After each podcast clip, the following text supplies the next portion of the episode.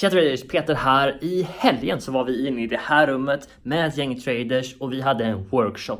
Det vi pratade om var hur vi kommer framåt i vår trading, hur vi ser vad som faktiskt fungerar, vilka miner som vi har gått på och vi delade så mycket erfarenheter för att verkligen ta varje individ som var här till nästa nivå. Och idag vill jag dela någonting utav det här med er. Om du är seriös med din trading för övrigt, gå till tradingkanalen.se för mer gott för dig. Det finns mycket där som kommer hjälpa dig framåt i din trading. Gå till tradingkanalen.se nu på en gång. Så i det här klippet som du kommer att höra nu så pratade vi om breakout trading, en vanlig mina som nya traders går på. Du kommer få höra varför det inte fungerar och vad det egentligen är för erfarenheter som vi har fått genom att göra det här. Välkommen till Tradingkanalen med mig Peter Suvan. I varje avsnitt kommer vi ta upp ämnen och problem som alla traders stöter på med målet att göra dig till en bättre trader. Följ med oss här på resan mot vinnande trading. Och besök traderkanalen.se för mer gott för dig som trader. Priset blir i balans, det vill säga att vi vet när det här händer så vet vi att det finns ingen säljorder kvar här. Det är tekniskt omöjligt. För om det fanns det skulle den fortfarande vara kvar och matchas där. Så bara den synen som vi ser att priset har tagit sig härifrån snabbt betyder att det finns ingen säljare kvar. Så om det är en zon där bankerna faktiskt har positionerat sig eh, så är sannolikheten stor att det finns köpordrar kvar. Så det är därför vi vill köpa när priset kommer tillbaks. Vi vill inte hoppa på som, som majoriteten gör, hoppa på i en pågående rörelse. För då är det stor chans att du köper här uppe och sen vänder priset.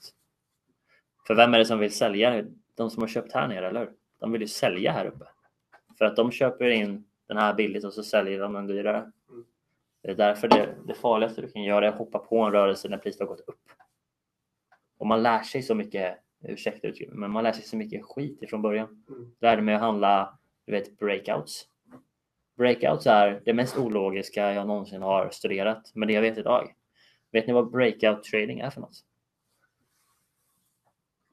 När det går över motståndare? Eller hur? Alltså breakout, jag ska bara rita på tavlan så nu missar ni som är online. Men vi kan säga att priset har kommit mot en nivå så här flera gånger. Vilket betyder att det kommer liksom inte över här på grund av att därför finns det mer säljare än köpare. Så breakout skulle vara att du köper om priset kan ta sig härifrån och så tar ut den nivån och här köper du. Men för mig, när du köper där, så köper du till ett pris som i princip, det har inte varit så dyrt någon gång innan. Och så vill du köpa där.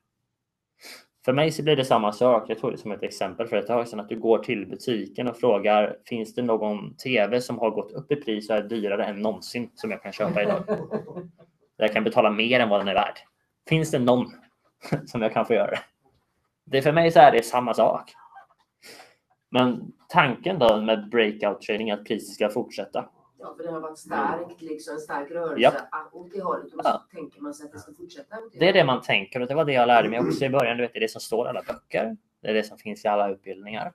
Men om du tänker det så i perspektivet, alltså utbud och efterfrågan.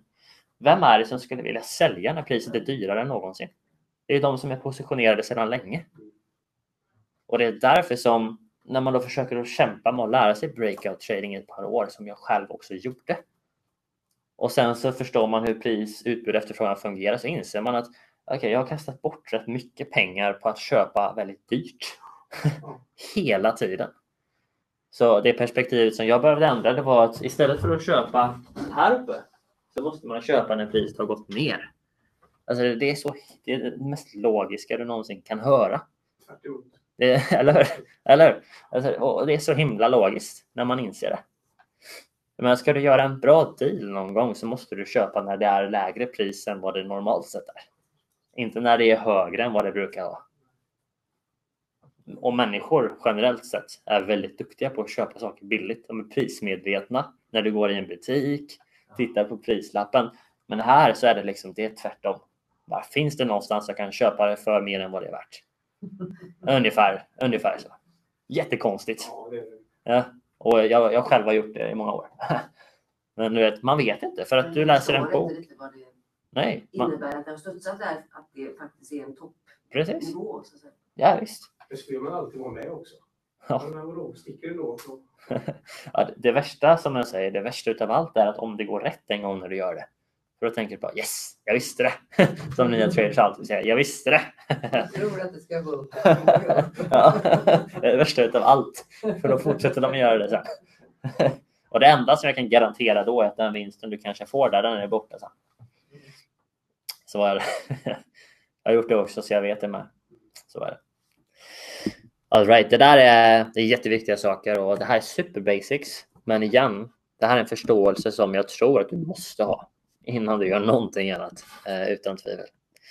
Så, två stora misstagen. De köper efter en stor rörelse upp och det är alltid det här, det här är mindsetet, gambling mindsetet. Bara, Oj, nu händer det någonting. Nu, nu åker vi upp eller nu, nu går det ner och så ska man agera på en impuls och det är. Det är bara, det är inte det, är inte det vi ska göra. Det är det enkla sättet att säga det på. Det är inte det du vill göra, åtminstone inte om du vill tjäna någonting. Så är det. Och här är en av de viktigare slidesen som vi har. Och där är ditt jobb som trader definierat. Det här är vårt jobb. För trading är ett jobb, det är ingen hobby. Visst, du kan göra det på deltidsbasis, du kan göra det en gång i veckan. Men det är fortfarande ett jobb. Du kan inte leka med det. Liksom. Så ditt jobb är att veta exakt när du ska köpa och när du ska sälja. Igen, förstå skillnaden. Du behöver inte veta när marknaden ska gå upp eller när den ska gå ner. Det har inte med det att göra överhuvudtaget. Men du måste veta när du ska köpa och när du ska sälja. Och vad är skillnaden där? Hur vet vi när vi ska köpa och när vi ska sälja? Utan att veta vart marknaden ska. Utbud efterfrågan. Det är vår tradingplan. Ja, trading. Eller hur? Vad är regler? Det är ju de som säger när vi ska köpa.